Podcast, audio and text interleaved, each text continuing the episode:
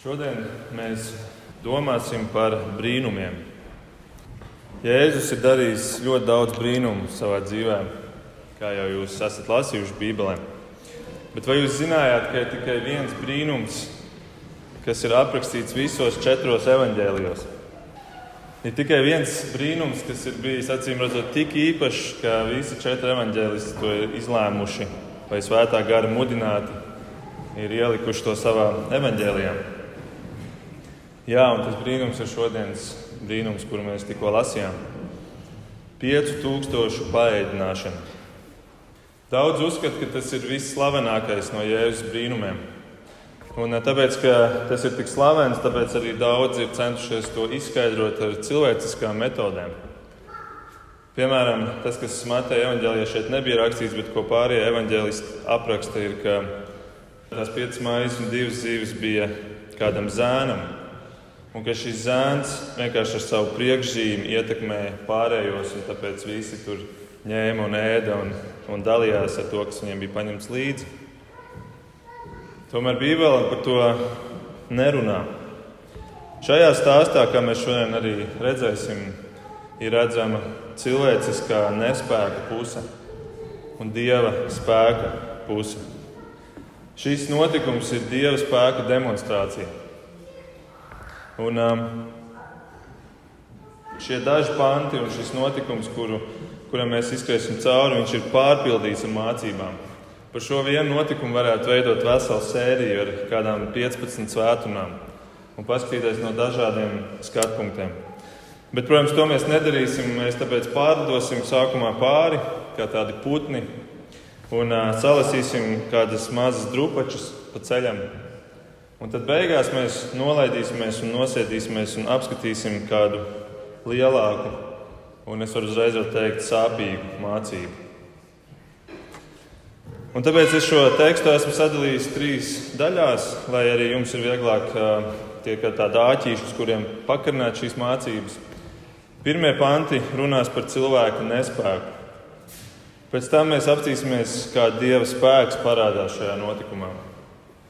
Un beigās cilvēka spēks.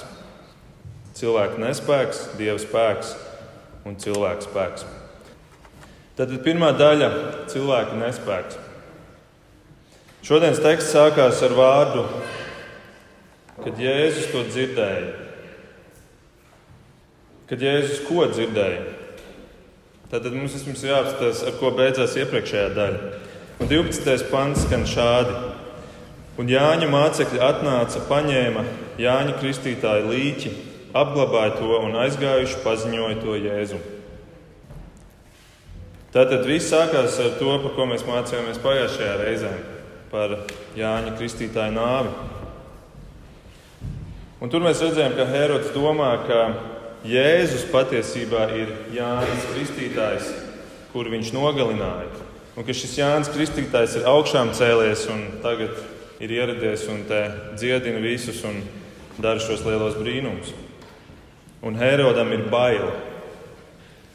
Un šīs bailes, šī pirmā cilvēka nespēka pazīme, šīs bailes ir tās, kas inicijē šo vēlmi Jēzu, tāpat kā Jānis Kristītāju novākt. Kad Jēzus to dzirdēja, viņš visus atstāja un brauca ar laivu uz kādu nomaļu vietu. Jēzus, protams, nebaidījās no nāves. Jēzus vēlāk pats brīvprātīgi gāja nāvē. Bet vēl nebija īstais laiks nāvei. Un šī Heroda, šis Heroda gājiens apdraudēja to misiju, kuras dēļ Kristus bija nācis. Un tādēļ Jēzus mēs lasām aizbrauc uz kādu nomaļu vietu. Matais nepasaka, uz kurieni, bet Lūka pasaka. Uz kādu pilsētas apgabalu vārdā Bēceida. Un citi, palasot dziļāk, mēs redzam, ka tā ir tāda tūkstošaina vieta. Bet ļaudis to padzirdējuši gāja kājām no pilsētām viņam pakaļ. Galilē bija blīvi apdzīvota, apdzīvots reģions, un no šīm daudzajām pilsētām vēsturnieks saka, ka tur bija pāri pat 200 pilsētu. No šīm pilsētām viņi plūst pakaļ, un, un Marks saka, saskrēja no visiem ciemiem. Tātad Jēzus gribēja būt viens, bet viņš nebija beigās viens. Un mēs varam uzdot jautājumu, kāpēc šie cilvēki skrien Jēzum pakaļ. Noteikti tur bija dažādi iemesli, bet daudzi, ko mēs arī lasām, daudzi nāca vienkārši apmierināt savu zinkāri, redzēt brīnumus, redzēt to, ko viņi nav redzējuši savām acīm. Daudz noteikti nāca, lai paši saņemtu šo dziedināšanu savām miesām. Un mēs redzam no teksta, ka šie bija tie galvenie iemesli. Tātad nevis nāca tādēļ, lai mācītos par Dieva valstību, bet vairāk, lai gūtu šo āršķirīgo labumu. Un tā ir nākamā cilvēka nespēka pazīme, ka cilvēks pēc dabas domā par mīsīgo. Viņš pat nespēja domāt par garīgo. Un tad 14. pantā mēs redzam, Jēzus ir piebraucis krastā, viņš izkāpja ārā un viņš ieraudzīja šo lielo ļaužu pūli, un viņš iežēlojas par tiem, un viņš dziedina viņu slimos. Tātad pūlis ir jau klāts pirms Jēzus atbrauc, un, un tad mēs lasām šo vārdu, ka Jēzus iežēlojās. Jēzus patiesībā brauca, lai būtu nomaļā vietā, bet šeit viņš maina savus plānus, ja tā var teikt. Viņš iežēlojās. Un mēs jau esam mācījušies, ka šis vārds iežēloties tas, no ebreju kultūras ir vārds, kas runā ne tik daudz par sirdi, bet vairāk par, par vēderu. Ja mums rietumos iežēlošanās ir vairāk tāda sirds lieta, tad tad ebrejiem un jūdiem tajā laikā tas vairāk bija, kad tev sāp vēders, kad tev sažņaudzās iekšas. Un šeit ir lietots šis vārds. Tātad Jēzus redz šos, šo pūli un viņam sažņaudzās iekšas. Un, un kādēļ mēs varam uzdot šo jautājumu? Kādēļ, kādēļ pat Dievs, kurš it kā zina visu, kādēļ viņam šādas jūtas? Atbilde ir, ka viņš redzēja šos cilvēkus kā mūžīgas būtnes. Viņš redzēja, uz kurien iet šie cilvēki. Viņš redzēja Eli, uz kurieni platais ceļš ved un pa kuru daudz no viņiem gāja. Kaut mēs spētu redzēt mūsu apkārtējos cilvēkus kā mūžīgas būtnes, redzēt cauri visām tām cilvēciskajām vājībām un visu tā, kas mums varbūt nepatīk cilvēciski, bet ieraudzīt viņu mūžīgo garu Mums parasti vairāk sāp par sevi. Un tas ir atkal mūsu cilvēka nespēka pazīme, šis sautīgums, šis stūredzīgums. Bet mēs redzam, ka Jēzus ne tikai fiziski dziedina viņus, bet viņš arī māca, Marks un Lūka par to runā. Tad viņš arī dod viņiem šo garīgo dziedināšanu, šīs garīgās zāles. Cilvēkiem, kuri ir fiziski un garīgi slimi. Marks savā tekstā saka, ka viņš iežēlojās par tiem, jo tie bija kā avis, kam nav gana. Te mēs redzam to garīgo pusi. Viņi, viņi uzauguši ir un dzīvo šajā Izrēlā, kurā garīgā vadība ir uzticēta rakstu mācītājiem un farizējiem. Bet Jēzus Matei 23 par šiem skolotājiem saka, un ne tikai par viņiem, bet viņš viņus konfrontē un viņiem saka, Bet vai jums, raksturmācītāji un farizēji, jūs liekuļi? Jūs aizslēdzat debesu valstību cilvēkiem, jūs paši neiet iekšā un neļaujat iet tiem, kas nāk.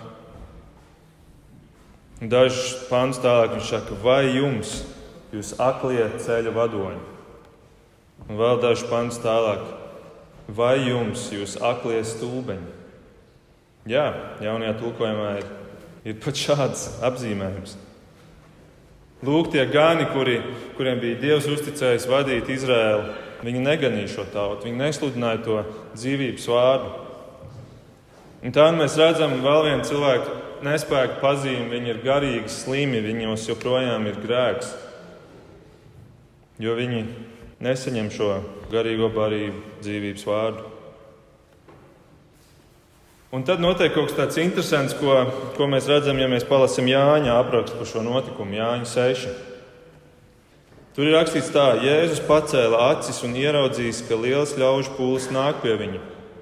Tātad tas ir vēl brīdis, kad tas viss tikai sākās, tā ir dienas sākuma daļa. Tad viņš pievēršas Filipam un saka viņam, kur lai mēs pērkam maizi, ko tiem ēst? Viņš tā teica, to pārbaudīdams, jo pats gan zināja, ko darīs. Tad, ja es šeit paceļu šo jautājumu, es domāju tādēļ, lai šie 12 mācekļi sāktu domāt par to, ko mēs darīsim šīs dienas beigās, tad, kad mums viss šis pūlis būs arī miesīgi jāpēdina, fiziski jāpēdina. Mēs varam jautāt, kāpēc tieši Filipam? Atbilde ir tāpēc, ka viņš nāca no šīs apkārtnes, bet arī tāpēc, ka Jēzus gribēja pārbaudīt arī viņa ticību, jo kādā citā vietā viņš Filipam saka, tu tik ilgi esi ar mani, Filip, un tu joprojām neesi sapratis. Un te mēs redzam, Jēzus ir pacietīgs. Te viņš dod kādu īpašu mācību stundu Filipam. Un es domāju, mēs šorīt šeit esam daudzi Filipi, kuriem ir vajadzīga šī pati mācību stunda. Un Filips viņam atbildēja, Jēzu par 200 denārijiem tie maizes nepietiks, lai katrs kaut mazliet dabūtu. Pat 200 denāriju nepietiktu. Viens denārijs bija dienas alga strādniekam. Tātad, ja mēs pārreikinām pēc vidējās Latvijas algas, tad tas sanāktu 200 denāriju būtu ap 8000 eiro. Tad Filips saka, ka pat 8000 eiro tiem nepietiktu, lai mēs kaut mazliet pabarotu viņus. Es nedomāju, ka viņiem bija makā līdzi tāda summa. Drīzāk es domāju, ka viņš min to kā faktu, ka pat tik liela summa nepietiktu. Tātad viņiem ir divas problēmas. Viņiem nav pietiekami ēdienu līdzi, un viņiem arī nav pietiekami naudas, lai nopirktu ēdienu. Tā nu šī diena paiet un pienāk vakars, un mēs lasām šodienas mūsu Mateja tekstā 15. pantā, kad vakars tuvojās, pie viņa pienāca mācekļi un sacīja: Šī vieta ir nomaļa un laiks jau ir vēlas. Atlaid ļaudis, lai tie iet tuvējos ciemos un pērk sev ēdamo. Aha, tad pēc dienas ilgas domāšanas mācekļiem tomēr ir risinājums. Viņi tomēr ir kaut ko izdomājuši. Un varbūt mēs tā izlasot, mēs domājam, nu, nu forši. It kā jau labi, ka viņi, ka viņi ir izdomājuši kaut kādu risinājumu. Un tomēr, ja mēs paskatāmies, kam viņi ir gājuši cauri, un es gribu, ka mēs padomājam par to, kam mēs esam gājuši cauri kopā ar Dievu.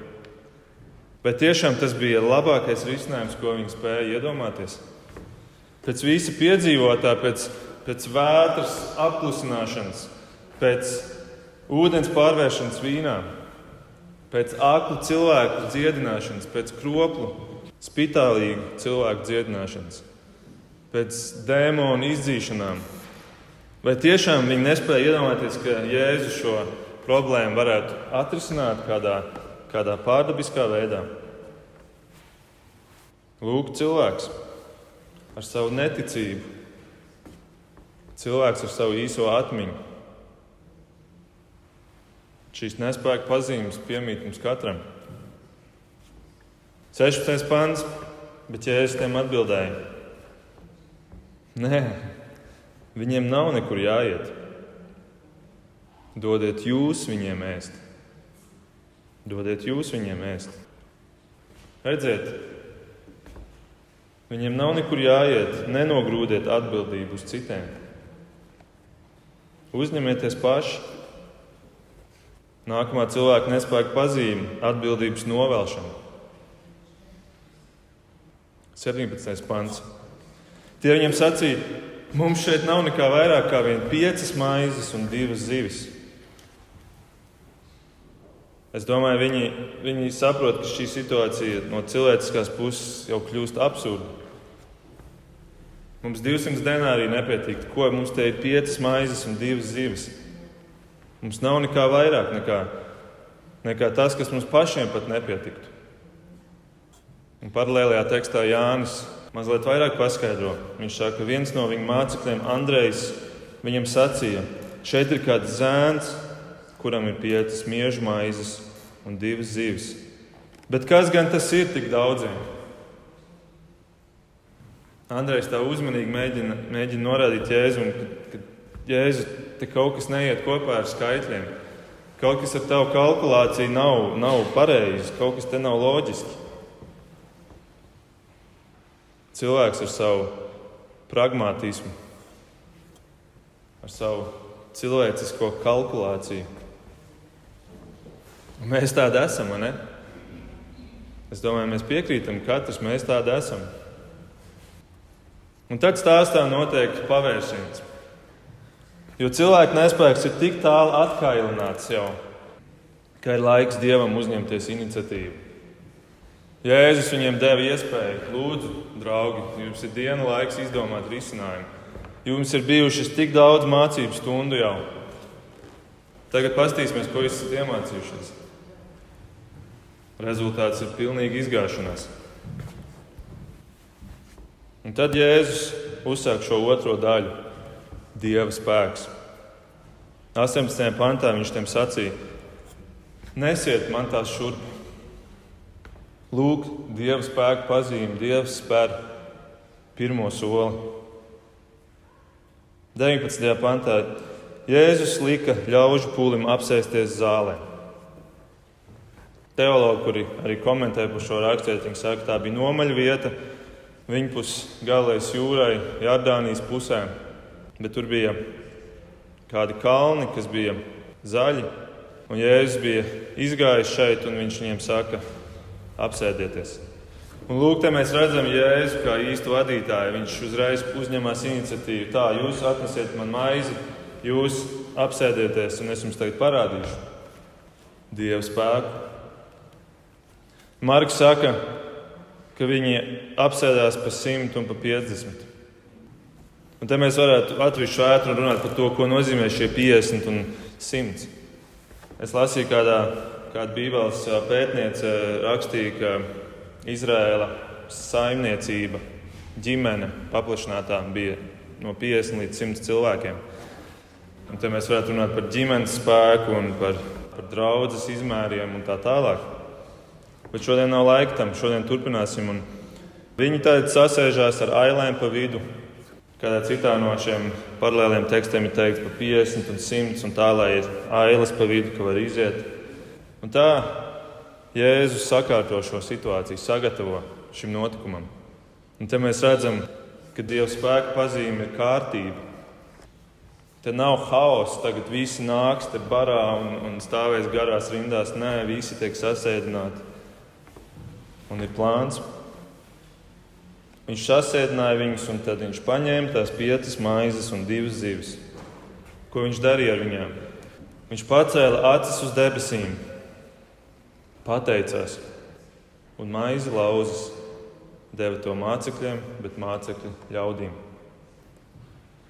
Lūk, ķēde, zēns, Jēzus, 12 mācekļi un ļaudis. Dieva spēka pazīme, deliģēšana. Jēzus varēja vienkārši pateikt, eņģeļi nāciet un pabarojiet šo pūli. Vai viņš varēja teikt, manna birsta no debesīm, tā kā toreiz tūkstnesī? Bet viņš iesaista cilvēkus. Viņš pat iesaista mazu zēnu. Un tad mēs redzam, ka šajā ķēdē ir vēl viens svarīgs posms. Zēns, 12 mācekļi, pateicība. Pateicība. Jēzus pateicās, un tur notiek tas brīnums visā šajā stāstā.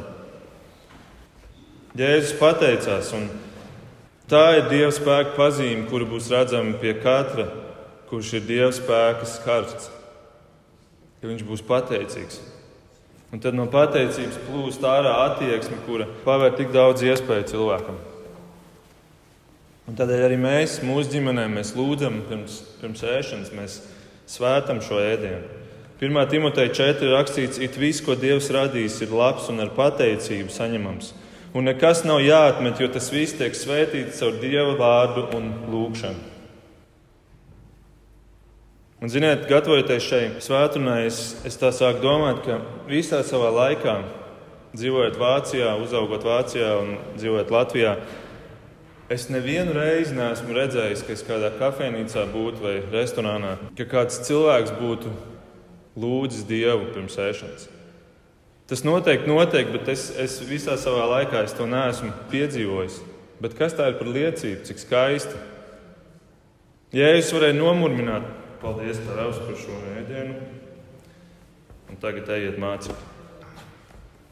Bet nē, viņš paskatās uz augšu, un viņš, es ticu, skaļi, un viņš varbūt pat pacēla rokas un šo, šo maizi pacēla. Es nesaku, ka mums kafejnē vienmēr jāpieceļās kājās, ir, un tagad skaļi ir jāpateicās Dievam un jālauž savu pīci sev virs galvas, bet, bet pateikties tas ir tik labs veids arī, kā mēs varam liecināt, tik vienkārši lieta. Un tad nākamā Dieva spēka pazīme - došana. Dievs dod mums visu, kas mums ir, vai mēs to ticam, apzināmies. 136. psalms saka, ka Dievs dod maizi visai radībai. Tas ir Dievs, kurš tev dod.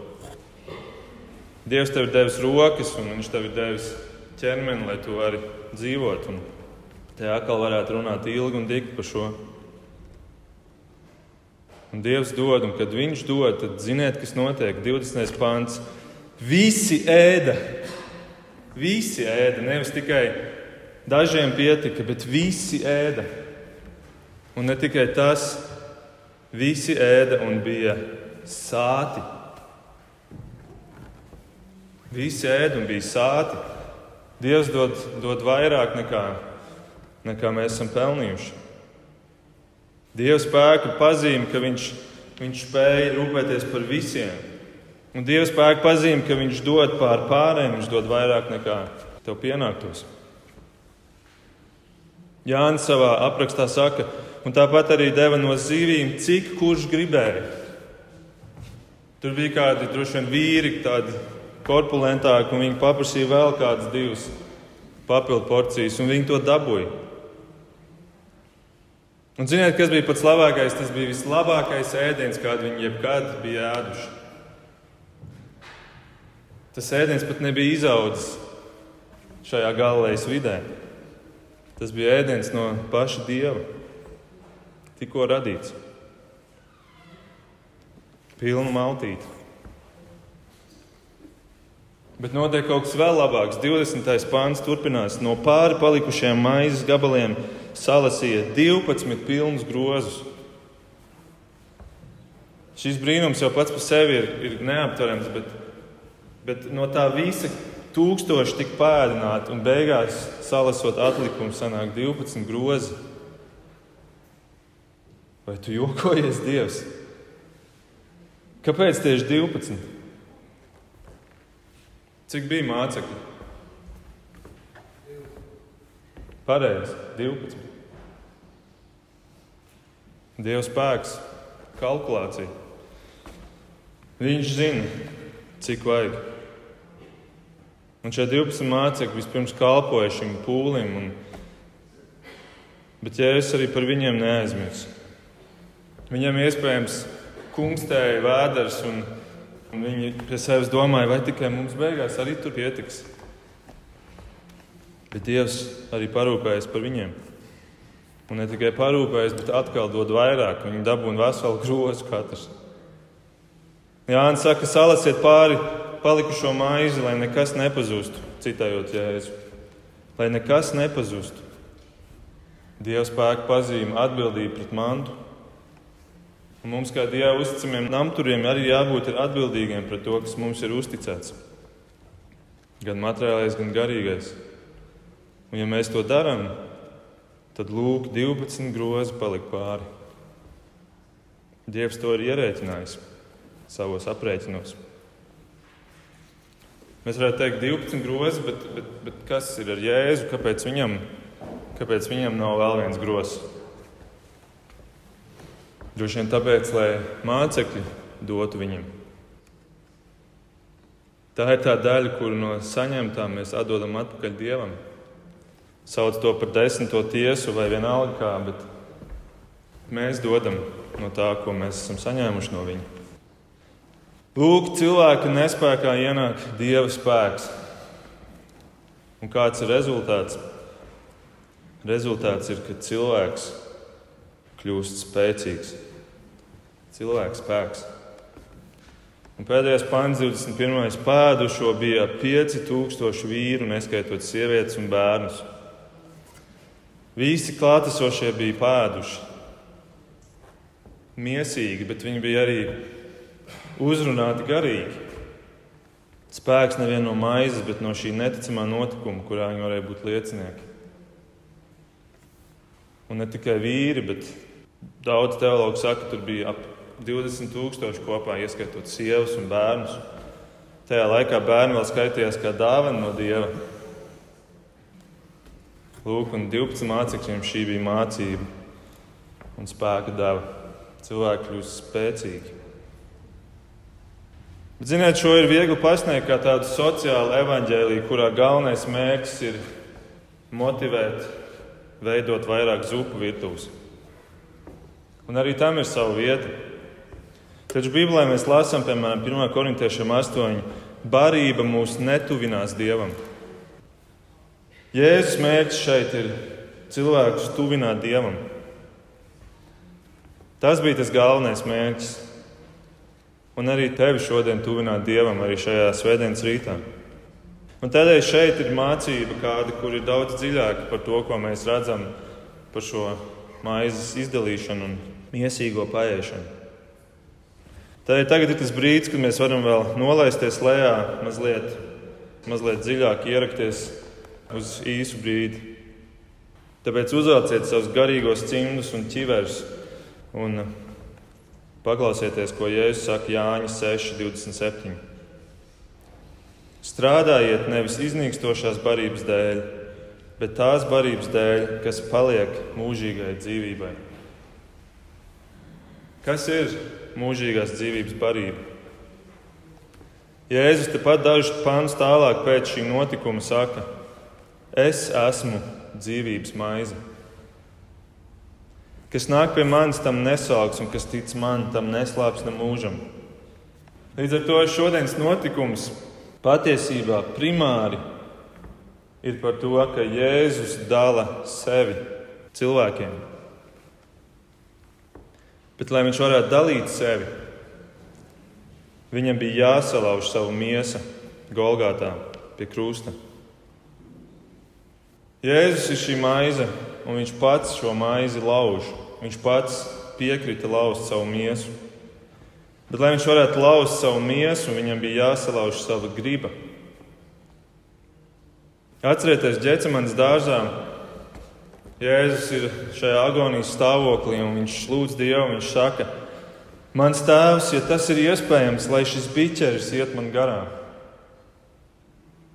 Tomēr ne kā es gribu, bet kā tu. Jēzus bija cilvēks un dievs, un viņam bija arī šī cilvēciskā puse un šī cilvēciskā griba. Šeit mēs redzam, viņam, viņam bija baila. Viņš negribēja šo, šo smago ceļu iet. Un tomēr viņš lauza šo savu gribu un pakļāvās tēva gribai.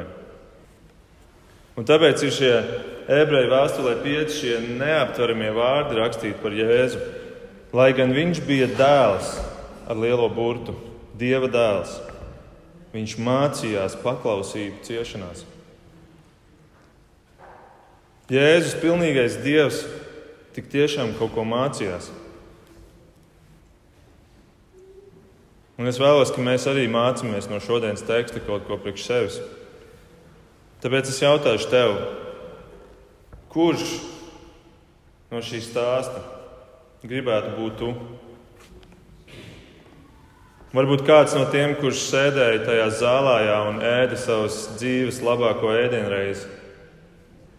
Vai varbūt kāds no tiem 12 mācekļiem, kuri drīkstēja dalīt šo dievišķo ēdienu šīm ļaudīm? Vai varbūt tas zēns, ar kuru varēja viss sākties. Šie visi būtu skaisti, un ja mēs varētu šīs, šos kā simbolus ņemt sev. Bet, ziniet, es jums gribu teikt, ka šodien es gribu, ka jūs esat tas, kas jūs negribat būt šajā stāstā. Tas vienīgais, kas tika lausts, un tā ir maize. Jā, Jēzus teica, es esmu dzīvības maize. Bet, ja tu esi Kristus atpirkts, un ja tu piederi Kristus miesai, un ja tu esi kristietis, kas nozīmē mazais Kristus grieķu valodā, tad arī tev ir šī maizes loma dota. Paklausies īsu patiesu notikumu, kuru es lasīju pirms vairākiem gadiem, kas man palīdzēja domāt par šo. Kāds notikums no Āfrikas. Kādam mācītājam nevedās kalpošanas darbs, draudzes stagnēja. Viņš izmēģināja dažādas metodes, bet bez rezultātu, un rokas sāk nolaisties. Vienu svētdienu pēc dievkalpojuma viņam ejot pa baznīcas gaitēm, pēkšņi viņam priekšā nostājās kāds draugs brālis atvēra Bībeli un nolasīja mūsu šodienas notikumu. Viņš aizvēra cietu Bībeli, paskatījās acīs šim mācītājam un teica, kamēr tu nebūsi gatavs, ka tavu gribu salauž, tu paliksi vien skaists, apaļš, maizes klaips Dieva rokās. Bet salauzts, tu varēsi tikt lietots tūkstošu paēdināšanai.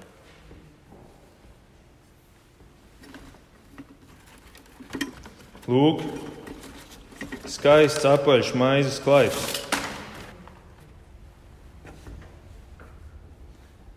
Apaļš, liels, smuks, taču nelietojams. Neviens šādu nēd. Tu viņu var kaut kur smuki nolikt, bet viņš ir nelietojams. Tikai tad, kad viņu sāc laust, tu viņu var ēst.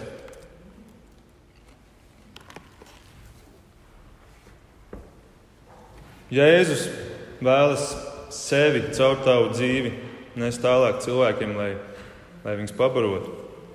Un katrs cilvēks, katrs kristietis, kurš ir Kristus atpirkts, kļūst par devēju.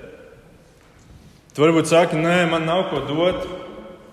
Man ir tikai piecas maizes un divas zivis. Es zinu tikai piecus baušus no galvas un divus pantus. Es esmu tikai piecus gadus ticīgs un tikai divus gadus draudzē.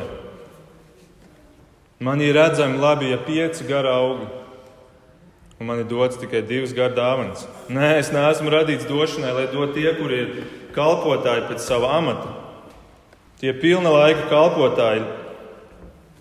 Un varbūt tie 12 mācekļi tā domāja, skatoties uz Jānu Kristītāju, jā, viņš ir lielākais no cilvēkiem.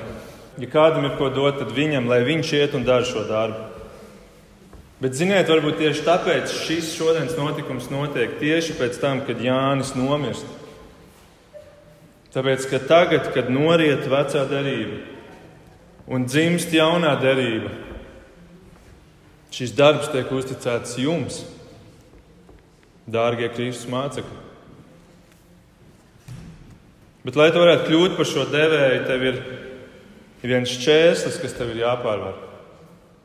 Un tā ir tava skaistā, apaļā griba. Mana griba, mana komforta zona. Es negribu sāpes. Maizai lūstot, drūpačs lido. Apvalks lūst. Sāpes Es to negribu. Es gribu dzīvot komfortā, es gribu palikt apaļš, skaists. Bet tikai tad, kad tava griba tiek lausta, kas ir sāpīgi, tikai tad tu vari sākt kļūt lietojams. Un tas ir sāpīgi, tāpēc ka tā ir tā tava griba, ar kuru tu esi uzaugusi. Tev nav nekā cita bijis. Tā ir tā vienīgā, kur tu esi pazīstams. Tas ir sāpīgi. Varbūt tev šobrīd dzīvē sāp. Varbūt tev griba tiek klausta. Varbūt tev ir konflikti attiecībās. Droši vien tava griba tiek klausta. Kur atnāk divi cilvēki laulībām, un katrs atnāk ar šo savu gribu. No šīm divām ir jāsalauž, lai beigās būtu viena. Tur abām gribām ir jālūdz, bet jautājums ir, kurš būs pirmais gatavs to darīt? Kristus mūs mīlēja, kad mēs viņu vēl nemīlējām. Būt pirmajam tā ir dieva spēka pazīme. Tur parādās šis dieva spēks. Mūsu gribas laušana nozīmē, ka mēs beidzam sekot sev, tā kā tāds suns, kurš skrien pakaļ savai ārstē un visu laiku staigā pa apli un nekur nenonāk. Salauzt savu gribu nozīmē, ka tu atsakies no tās un tu sāc sekot Kristu savu kunga gribai. Noslēgums. Kā beidzās šis stāsts šodien? Vai pūlis gribēja sekot Kristum? Mātejs to nepasaka, bet Jānis gan. Jēzus nomanīdams, ka tie grasās nākt un viņus satvert ar varu, lai celtu par ķēniņu, devās atkal viens pats uz kalnu.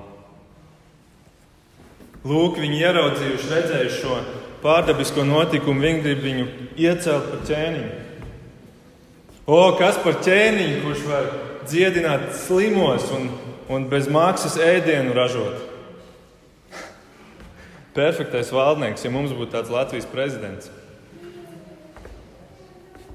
Lūk, pūli saka, lūk, mēs to saprotam. Tādai jābūt Dieva valstībai virs zemes. Iznīcināsim Romas impēriju, šo jūgu, kas ir okupācija, un lai Izraels pats kļūst par impēriju. Un cits tauts skatīsies un teiks, mēs arī gribam šo utopiju. Jā, lūk, ķēniņš.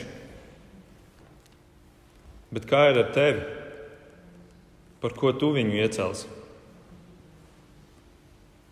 Par ķēniņu, kurš apmierinās tavu pašu utopisko gribu, tavu gribu, vai par kungu, kurš lauzīs tavu gribu, un tad lietos tev varam pēc savas gribas. Zini droši to, ka, ja tu izvēlēsies viņu iecelt par utopisku ķēniņu, Viņš tāds nevēlas būt. Viņš muks prom. Tāpat kā viņš aizmuka no šiem pieciem tūkstošiem. Bet, ja tu viņu vēlēsies padarīt par savu kungu, tad zini, ka viņš šodien ir mūsu vidū, šeit.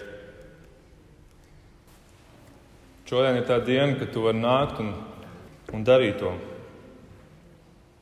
Nāc šodien. Lūksim Dievu. Mīļais kungs, Jēzu, paldies par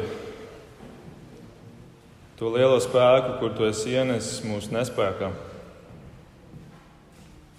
Mēs neesam labāki par šiem 12 mācekļiem.